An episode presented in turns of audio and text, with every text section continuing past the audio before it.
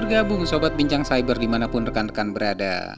Hari ini episode dari uh, Bincang Cyber sudah memasuki episode yang ke-20 Tak kalah uh, penting topik yang kita bahas hari ini menyingkapi beberapa hal yang terkait yang kita alami semua yaitu berkembangnya uh, apa yang disebut dengan work from home ya. Dan juga ada beberapa pandangan dari rekan-rekan sekalian menyatakan bahwa jangan-jangan dengan istilah work from home ini kita sebetulnya mulai masuk ke dalam digital transformation yang sebetulnya. Wah, menarik. Tak lama beberapa hari yang lalu kita juga dikejutkan atas adanya berita yang beredar tentang data breach yang kembali menimpa Marriott. Nah, di sini ada security breach yang kali ini eh, terjadi kebocoran sebanyak 5,2 juta data nasabah. Yang data-data yang bocor ini bersifat PII atau personal information, identify, personal identifiable information seperti kayak nama, tanggal lahir, telepon number dan lain sebagainya. Nah, dikarenakan eh, perkembangan yang terjadi eh, beberapa akhir-akhir ini di studio telah hadir seorang pakar praktisi dari sisi cyber security beliau juga uh, aktif sebagai top level management dan uh, memiliki banyak sekali pengalaman. Sedikit saya menceritakan background. Uh, beliau saat ini menjabat sebagai country director dari Fortinet Indonesia. Sebelumnya beliau uh, menjabat sebagai managing director dari Aclivis Technology and Solution di Indonesia ya ini leading provider juga untuk enterprise cloud service.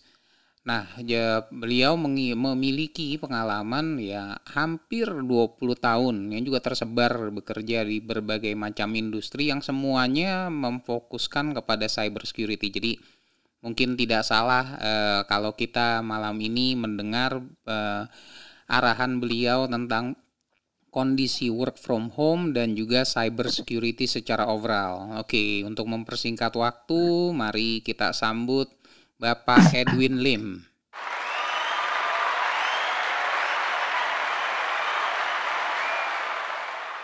Halo Pak Edwin. Halo Pak Faisal. Apa kabar?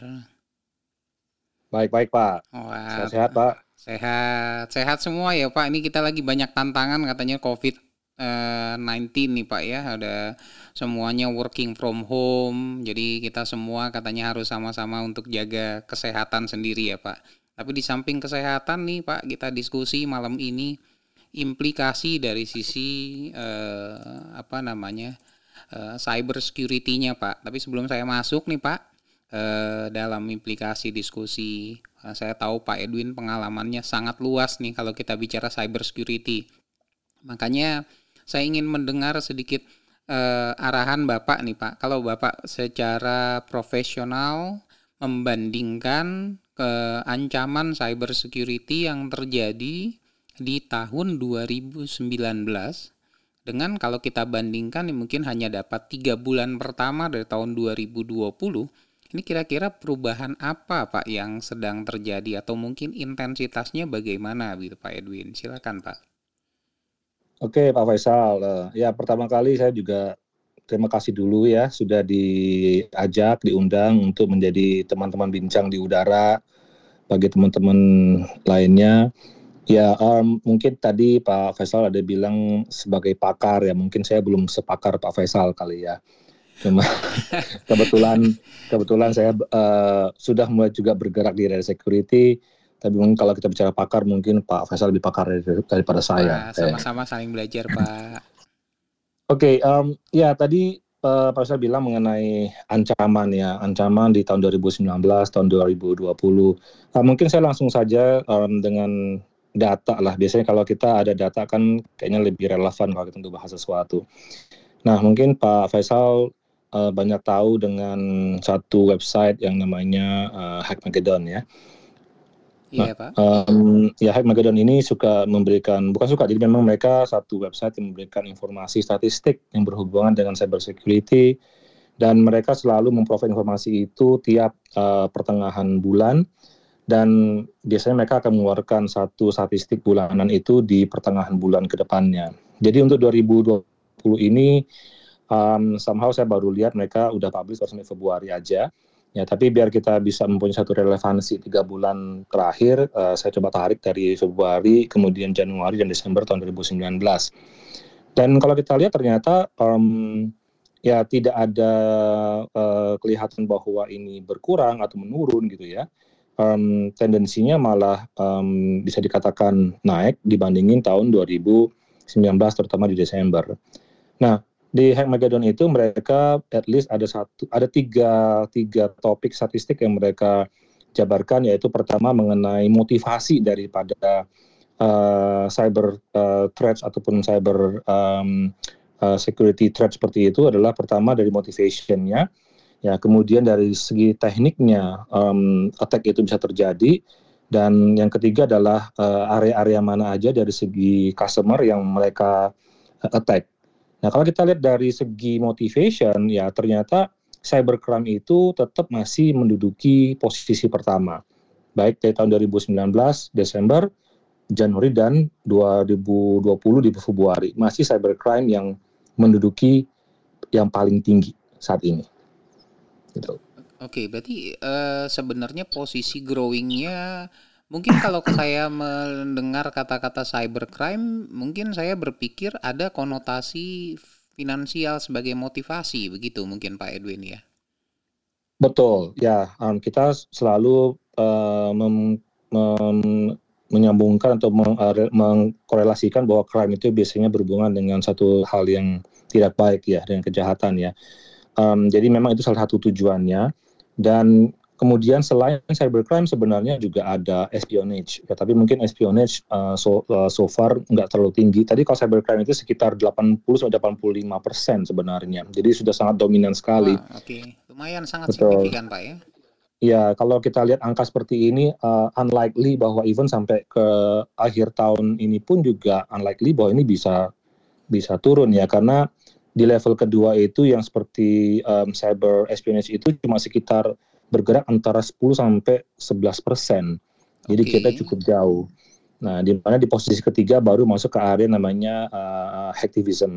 Jadi daripada uh, ngehack gitu ya, tapi paling tinggi adalah cyber cybercrime. Oke, berarti uh, dominasi utama kalau kita lihat di sini tingkat serangan adalah uh, dari sisi cybercrime dan mungkin uh, moneter ya, atau monetize ya sebagai Uh, uh, faktor utamanya. Nah, ini kan kita juga sekarang di tahun 2020 ini kan uh, kalau tadi kita uh, Pak Edwin juga memberikan pandangan bahwa uh, ancaman cyber security itu belum ada indikasi mengalami penurunan dan juga mungkin bahkan tadi sampai akhir tahun pun kelihatannya juga nggak akan banyak berubah uh, nggak akan nggak akan turun demikian gitu.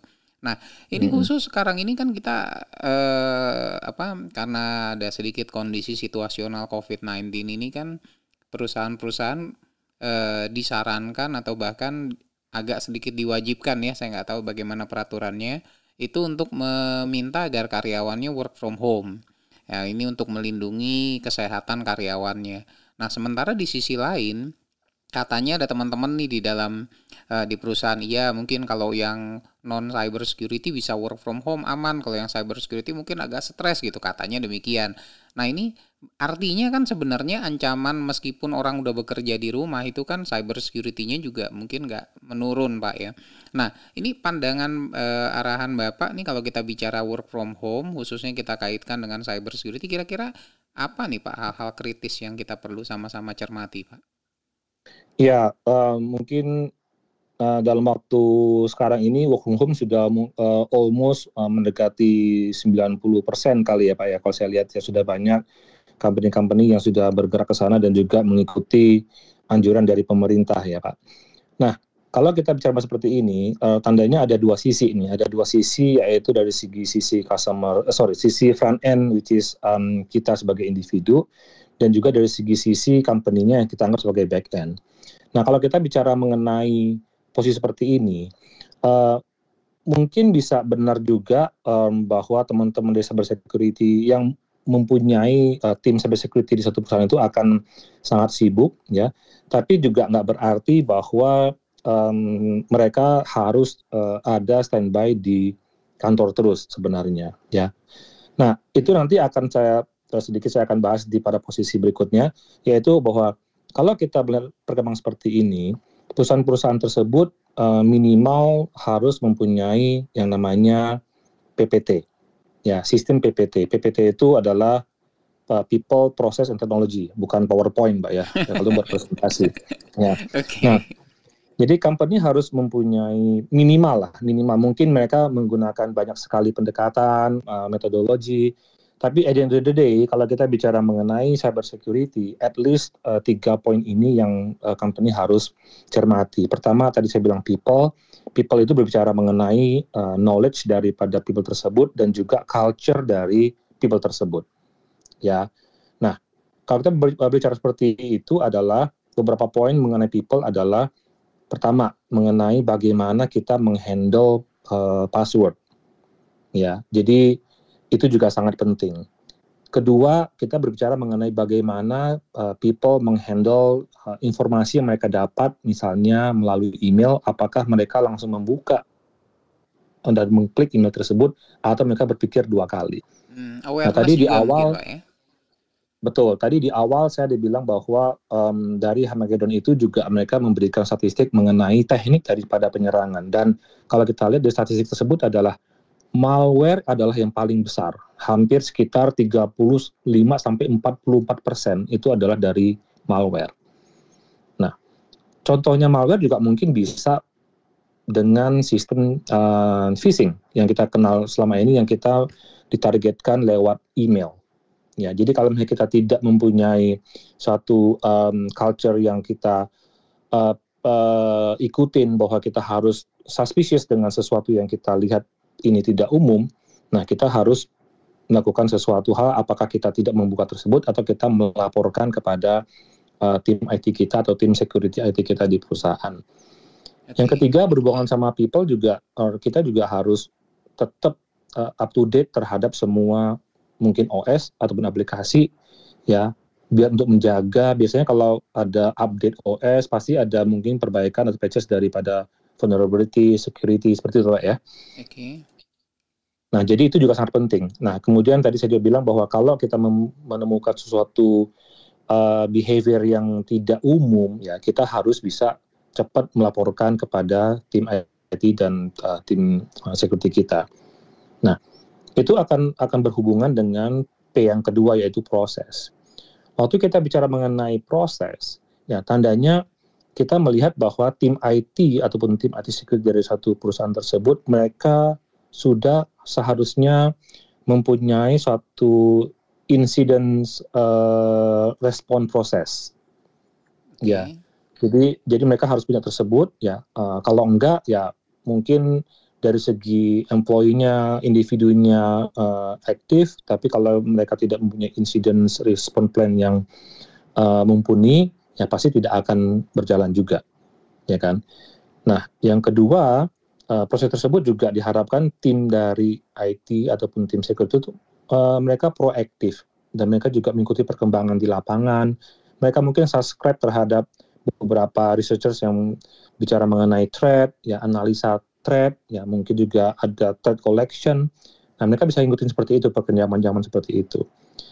Nah, yang ketiga dari tim bagian proses yang juga sangat penting adalah bahwa uh, uh, kita juga harus bisa memprioritas aset kita. Aset kita itu artinya gini, kalau misalnya suatu hari terjadi breach ataupun terjadi uh, serangan, kira-kira um, apa sih aset dari perusahaan itu yang akan sangat penting? Apakah uh, hal yang sangat penting itu di attack atau kemungkinan yang di attack itu adalah mungkin bukan aset yang uh, uh, sangat penting.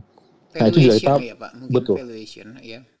Betul, betul. Jadi tergantung tergantung perusahaan untuk menilai ya dari segi uh, urgency, segi uh, critical, dari segi aset mereka mungkin bisa dari segi, uh, dari segi value ataupun uh, dari segi critical-nya seperti itu, itu bisa.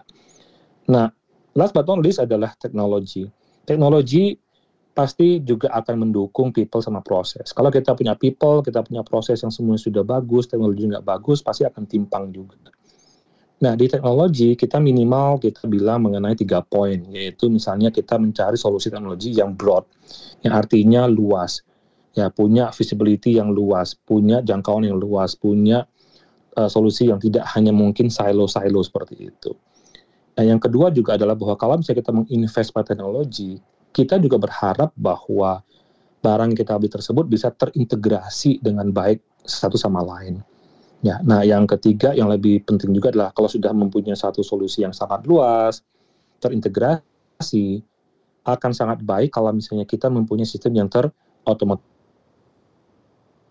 teknologi. Nah, tiga poin inilah yang membuat uh, satu uh, proses di mana perusahaan bisa membangun sistem mereka, membangun um, benteng security mereka sehingga misalnya tadi Pak Faisal bilang, wah sekarang kita akan masuk ke area work from home, ya itu sudah artinya sudah satu siap, ya? Uh, sudah ya sudah siap terhadap yang namanya uh, business continuity process. Oke. Okay. Ya.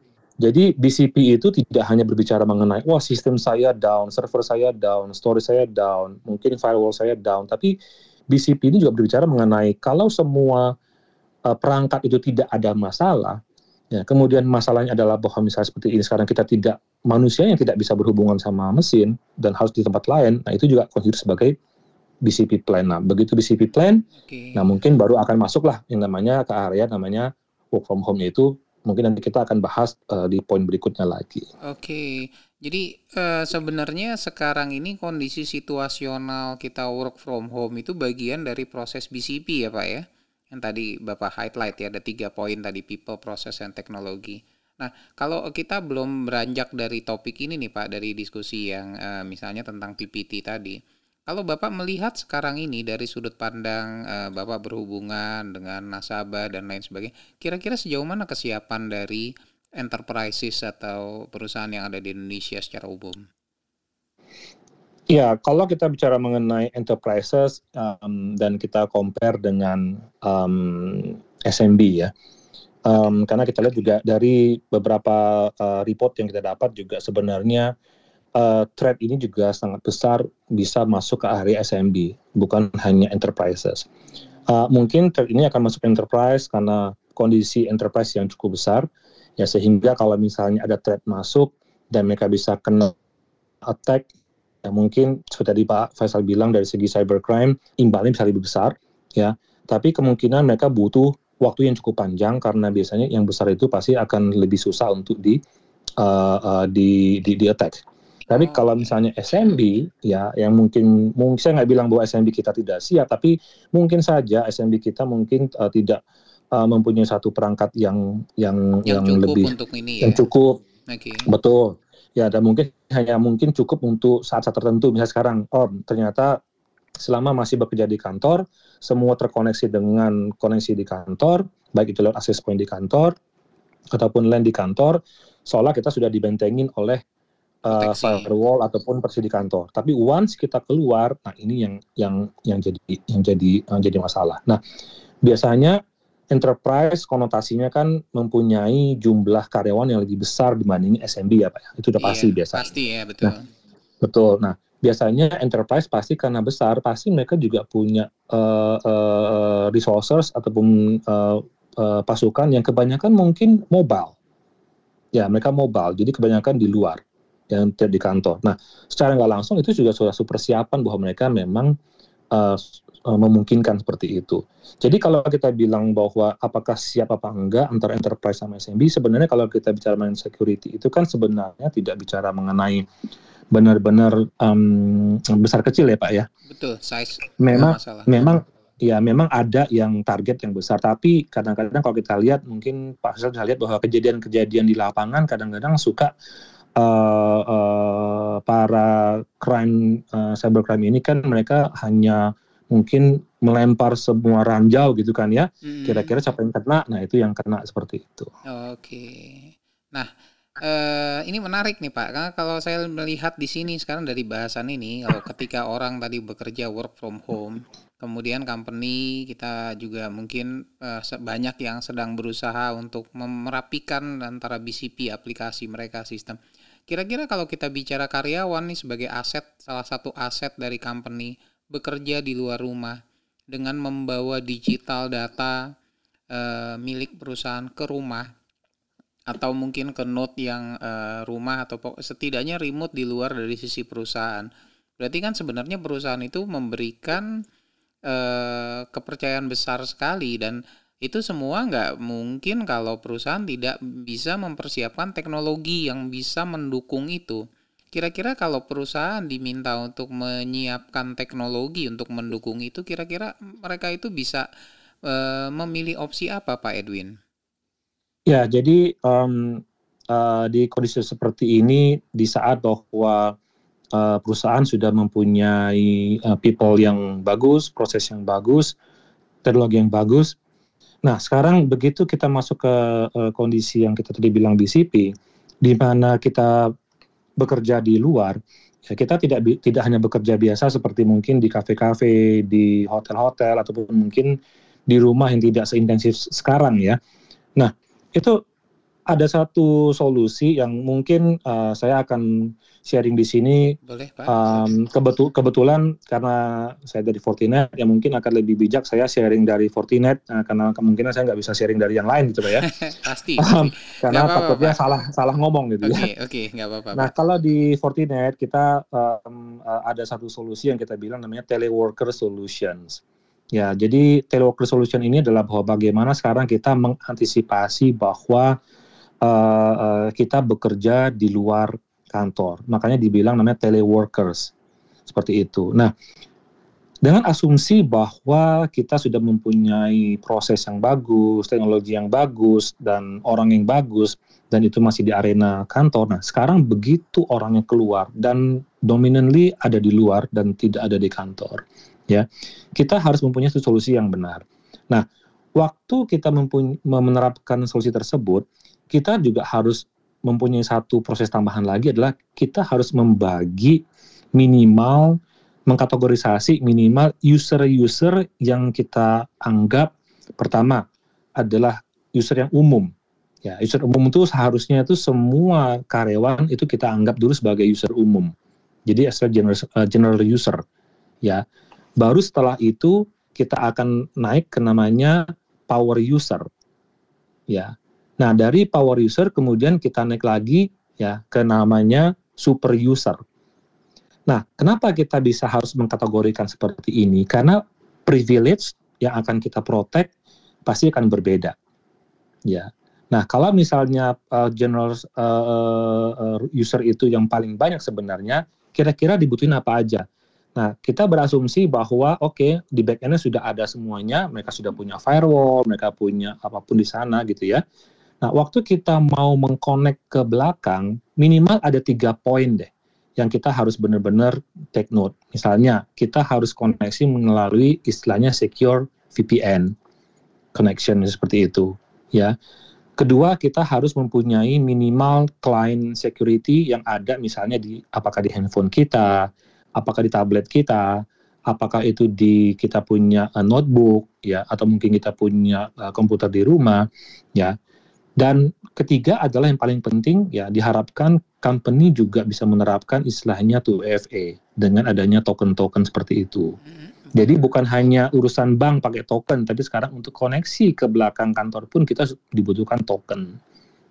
Gitu Oke. Pak, kira-kira. Berarti sebenarnya dengan adanya uh, kondisi sekarang ini kita nggak bisa mengeneralisir setiap karyawan itu memiliki kebutuhan yang sama ya Pak ya sehingga kita butuh untuk melakukan pemisahan. Mungkin saya rasa itu eh, sangat relevan sekali khususnya buat teman-teman IT yang memiliki eh, exposure besar sekali menjadi target barangkali mungkin dengan mekanisme ini bisa agak sedikit terbantu. Begitu Pak Edwin ya lebih kurang ya Pak gambarannya. Betul betul. Karena kita uh, gunanya kita mengkategorisasi uh, user tersebut adalah terutama super user. Super user itu kan berhubungan sama mungkin eksekutif. Ya, eksekutif-eksekutif yang di satu perusahaan. Kemudian kita bicara mengenai orang-orang yang berhubungan sama emergency di kantor. Kemudian kita berbicara mengenai uh, administrator daripada sistem di kantor. Ya, okay. jadi itu juga tergantung itu juga termasuk super user. Okay. Ya kan karena kalau misalnya Bapak bayangkan adalah misalnya super user administrator kantor itu bekerja di luar dan mereka tidak mempunyai pengamanan yang uh, mumpuni, bayangin mereka harus koneksi ke uh, back end mereka dengan uh, menggunakan password misalnya root password seperti itu Pak ya, mm-hmm. atau password yang super gitu untuk ke belakang. Nah kalau Bapak bayangkan kalau mereka tidak mempunyai satu proteksi yang benar, itu kan ada kemungkinan bisa jebol juga Pak. Iya betul, ya, passwordnya di capture pada saat komunikasi tersebut terjadi. Iya betul. memang betul. Ini ini memang sebetulnya sebuah hal yang Uh, perubahan beberapa waktu terakhir ini satu dua minggu ini kita udah masuk sesi yang ke hari keberapa ini kita di work from home ya Pak ya? Lebih udah dua minggu ya Pak? Dua minggu minggu ketiga lagi sekarang. Nah itu kan berarti sebetulnya uh, bagi perusahaan yang belum siap untuk uh, memikirkan bagaimana infrastruktur ini juga kondisi seperti ini sangat challenging buat mereka. Jadi uh, bagaimana mereka bisa mempersiapkan dan mungkin Salah satunya di samping proses ada teknologi yang bisa kita uh, mintakan mereka untuk uh, di custom. Tapi kalau tadi dibagi tiga pak ya tiga kelompok, apakah mungkin barangkali nanti ada perusahaan yang butuh nggak cuma tiga tapi bisa lima kategori atau berapa atau istilahnya customize kategori atau memang itu harus tiga pak Edwin?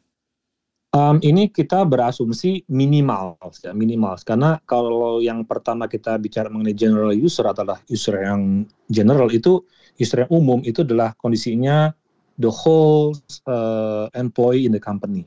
Okay. Itu termasuk even yang tadi kita bilang super user sama um, power user itu sebenarnya masuk juga sebagai general user.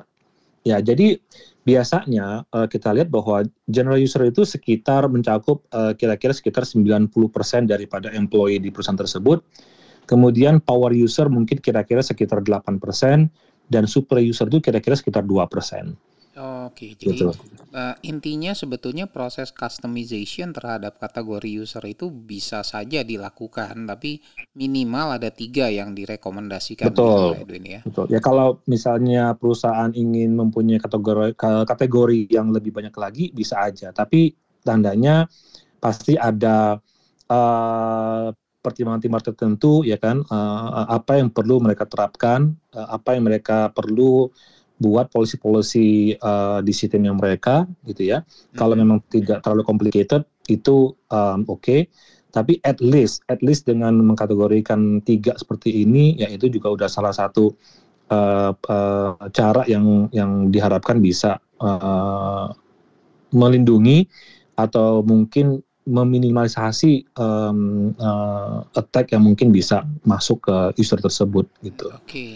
Nah, Uh, kalau sedikit kita bergerak Pak dari uh, apa namanya solusi yang tersebut tadi teleworkers tadi, kemudian kita bicara bahwa karyawannya bekerja di rumah dengan kita tahu sekarang uh, pengguna internet di rumah itu nggak sedikit pastinya, tapi juga mungkin kadang-kadang ada teman-teman yang beranggapan bahwa apa iya orang-orang yang kerja di rumah itu memiliki perangkat perangkat yang mampu mendukung atau meningkatkan tingkat keamanan pada saat dia berkomunikasi.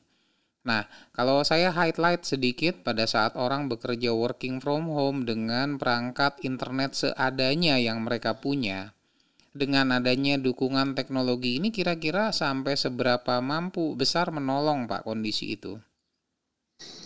Ya, um, at least um, ini bisa memberikan satu hambatan ya yang mungkin tidak memberikan satu jalan yang mulus kepada attacker yeah. untuk bisa attack ke kita ya. Uh, walaupun ya saya benar saya akuin um, uh, tidak semua user di rumah itu mempunyai firewall pak ya Betul. Um, ya mungkin konotasi firewall itu mungkin masih segede-gede uh, uh, apa ya uh, barang yang satu satu komputer seperti itu ya mungkin satu U, ya? dua U, betul. Tapi sebenarnya kita juga punya solusi dan uh, saya rasa juga banyak produk-produk lain juga yang mempunyai firewall yang tipe-tipe kecil gitu yang seharusnya investasinya itu tidak terlalu mahal.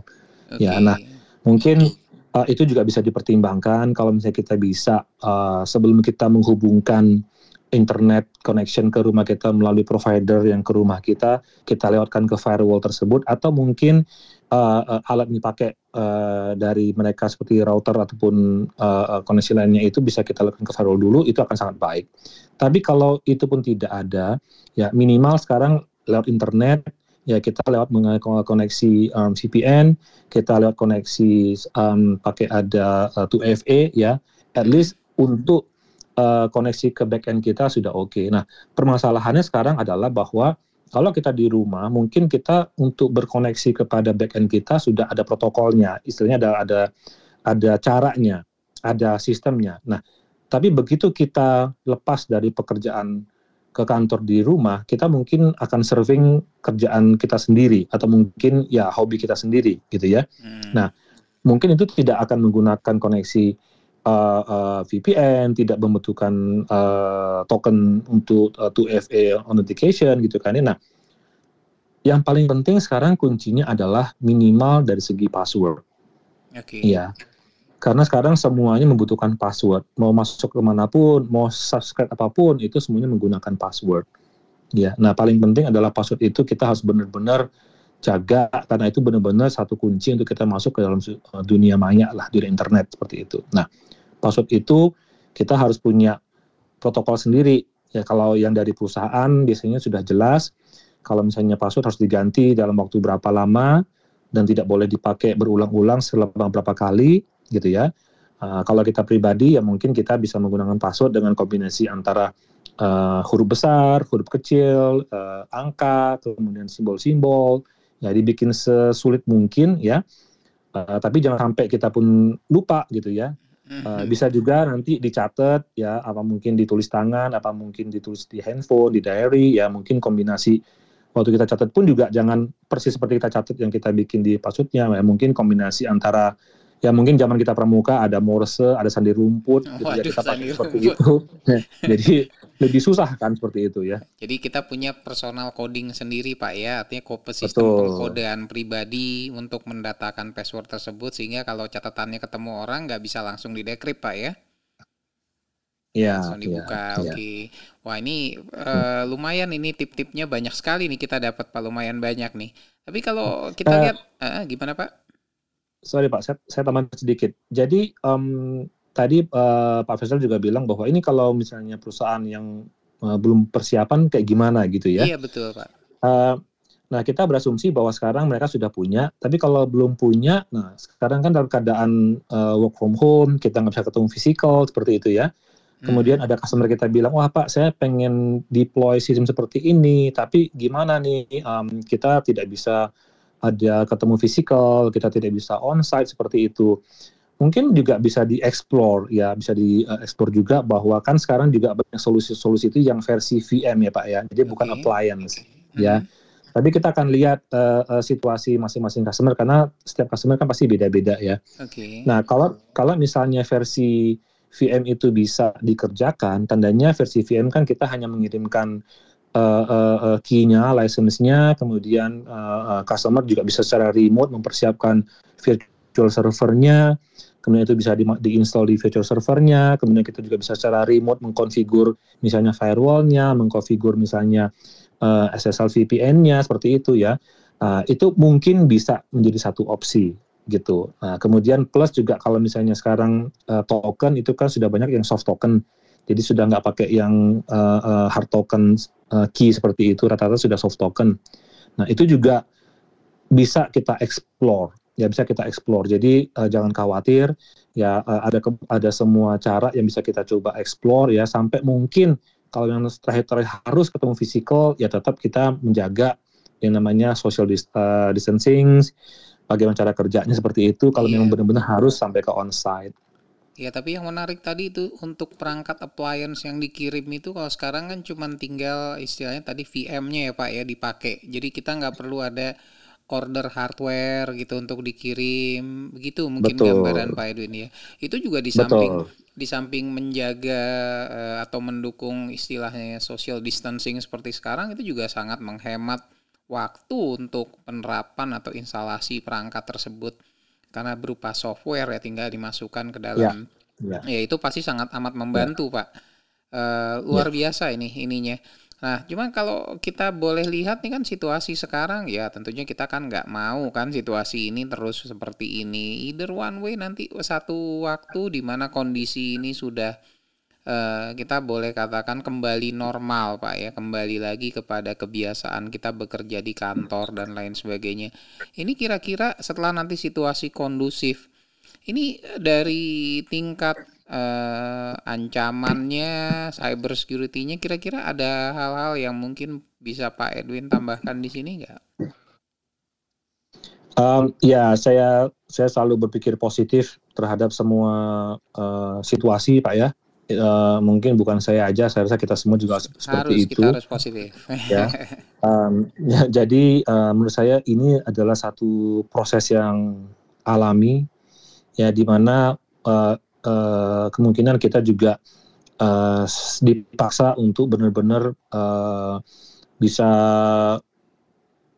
mempunyai satu behavior yang yang mengadopsi security dengan baik ya. Mungkin selama ini kita berpikiran bahwa oh kalau di kantor itu semuanya aman-aman aja sekarang kita sudah di rumah atau di luar kantor kita baru terasa bahwa oh, ternyata kita punya benteng ini ternyata tidak setinggi di kantor ya kan? Ya, nah kalau misalnya nanti kita sudah membangun benteng yang sama walaupun tidak setinggi benteng di kantor tapi mungkin sekokoh di kantor nah, harusnya kan ini kan terbawa terus ke depannya ya ini pasti akan terbawa terus ke depannya. Jadi ini mungkin juga satu proses pembelajaran di mana kita benar-benar melihat bahwa security is a very important in our life in all aspect.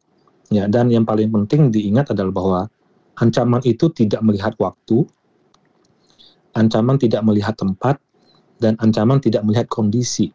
Iya, betul Pak Edwin. Ya, bahkan even dalam kondisi saat ini pun, ya dalam kondisi sekarang pun banyak orang mengambil kesempatan Ya, bahkan sekarang banyak sekali orang yang menggunakan uh, istilah-istilah dari nama virus yang sekarang sedang beredar ini menjadi senjata untuk uh, phishing, menjadi senjata untuk mencari informasi, mencari uh, kesempatan untuk uh, mencuri data. Ya tadi Pak Faisal pembukaan ada bicara mengenai Marriott ya. Iya, nah itu mungkin semuanya juga bisa terjadi sama kita kalau kita tidak benar-benar mengantisipasi. Jadi menurut saya ini satu proses yang bagus, is very positive. Dan kalau kita sudah menjalankan ini, kita harus bawa terus, even sampai kondisi pun sudah kembali normal. Ya harusnya kita sudah lebih siap dan lebih lebih mengerti dan kita juga bisa memberikan satu uh, edukasi kepada society malah kepada orang-orang di sekitar kita, orang-orang yang tadi tidak mengerti, kita mempunyai kesempatan untuk share ke mereka juga seperti itu. Oke, baik Pak Edwin. Terima kasih. Wah, kita sangat beruntung hari ini bisa mendengar uh, arahan dari Bapak, mungkin juga termasuk feedback terhadap kondisi yang ada sekarang. Nah, mungkin kalau saya boleh uh, merangkum sedikit dari beberapa poin yang tadi sempat Bapak berikan kepada kami. Mungkin yang pertama saya coba melihat bahwa adanya perkembangan tingkat ancaman dari tahun 2019 juga dibandingkan dengan 2020 satu kesamaan yaitu fokusnya lebih kepada dari sisi cybercrime. Sementara belum ada indikasi bahwa serangan dari sisi cyber security tersebut mengalami penurunan bahkan kita nggak juga nggak yakin akhir 2020 nanti itu akan membaik ya dari sisi serangan cyber security. Nah kemudian saat ini perusahaan ditemukan banyak menemukan banyak tantangan eh, pengujian mendadak untuk bagaimana BCP mereka bisa eh, menjawab kondisi eh, yang terjadi sekarang ditambah dengan peningkatan intensitas work from home yang sebagian besar pelaku industri akan mengalaminya, sudah mengalaminya sekarang ini. Kemudian concernnya adalah yang tadinya data-data tersebut terlindungi di belakang tembok perlindungan firewall atau sistem perangkat cyber security yang dimiliki perusahaan. Sekarang pertanyaannya adalah ketika data tadi keluar dari sisi perusahaan, keluar dalam artian dibawa karyawan untuk bekerja dari rumah atau istilahnya work from home. Ada tiga komponen tadi yang sempat di-sharing oleh Pak Edwin adalah people, proses, dan teknologi. Artinya unsur manusianya, kemudian proses terkait SOP, dan juga kesiapan teknologi. Satu hal dari komponen teknologi tadi yang menurut saya sangat menarik yaitu teknologi tadi tidak boleh berupa silo sehingga dia harus uh, bisa terintegrasi apa pun dia meskipun dia dibeli baru dia harus mampu terintegrasi dengan sangat baik di dalam uh, apa existing infrastruktur perusahaan sekarang ini. Nah, Selanjutnya mungkin poin terkait dengan kesiapan karyawan ketika mereka uh, pulang untuk bekerja di rumah. Uh, bagaimana mereka bisa mempersiapkan perlindungan di rumahnya? Ya kalau tadi kita katakan perlindungan cyber security itu identik dengan firewall. Sekarang pertanyaannya atau tadi yang Pak Edwin sempat sharing adalah ukuran firewall sekarang dengan dulu mungkin banyak udah berbeda. Jadi kalau dulu kita analogikan firewall itu barangnya gede, listriknya mahal. Sekarang mungkin bentuknya bisa lebih simpel, lebih cocok buat masuk di rumah dan setidaknya bisa melindungi. Dan kalaupun itu nggak e, belum maksimal, alangkah baiknya disarankan mulai untuk melakukan manajemen password yang baik. Artinya kompleksitas e, password itu juga perlu e, kombinasi huruf besar, huruf kecil, angka dan simbol Minimal itu sesuatu hal yang mungkin kita rasa kecil tapi rasanya cukup untuk e, memaksimalkan tingkat perlindungan ketika kita bekerja remote dari lokasi mana pun. Nah, tentunya semua persiapan ini kalau kita dari sisi perusahaan maupun dari sisi individu sudah melakukan dengan baik, maka otomatis nantinya itu bisa berpengaruh eh, apa positif terhadap ketika bila mana nanti situasinya sudah kembali lagi normal.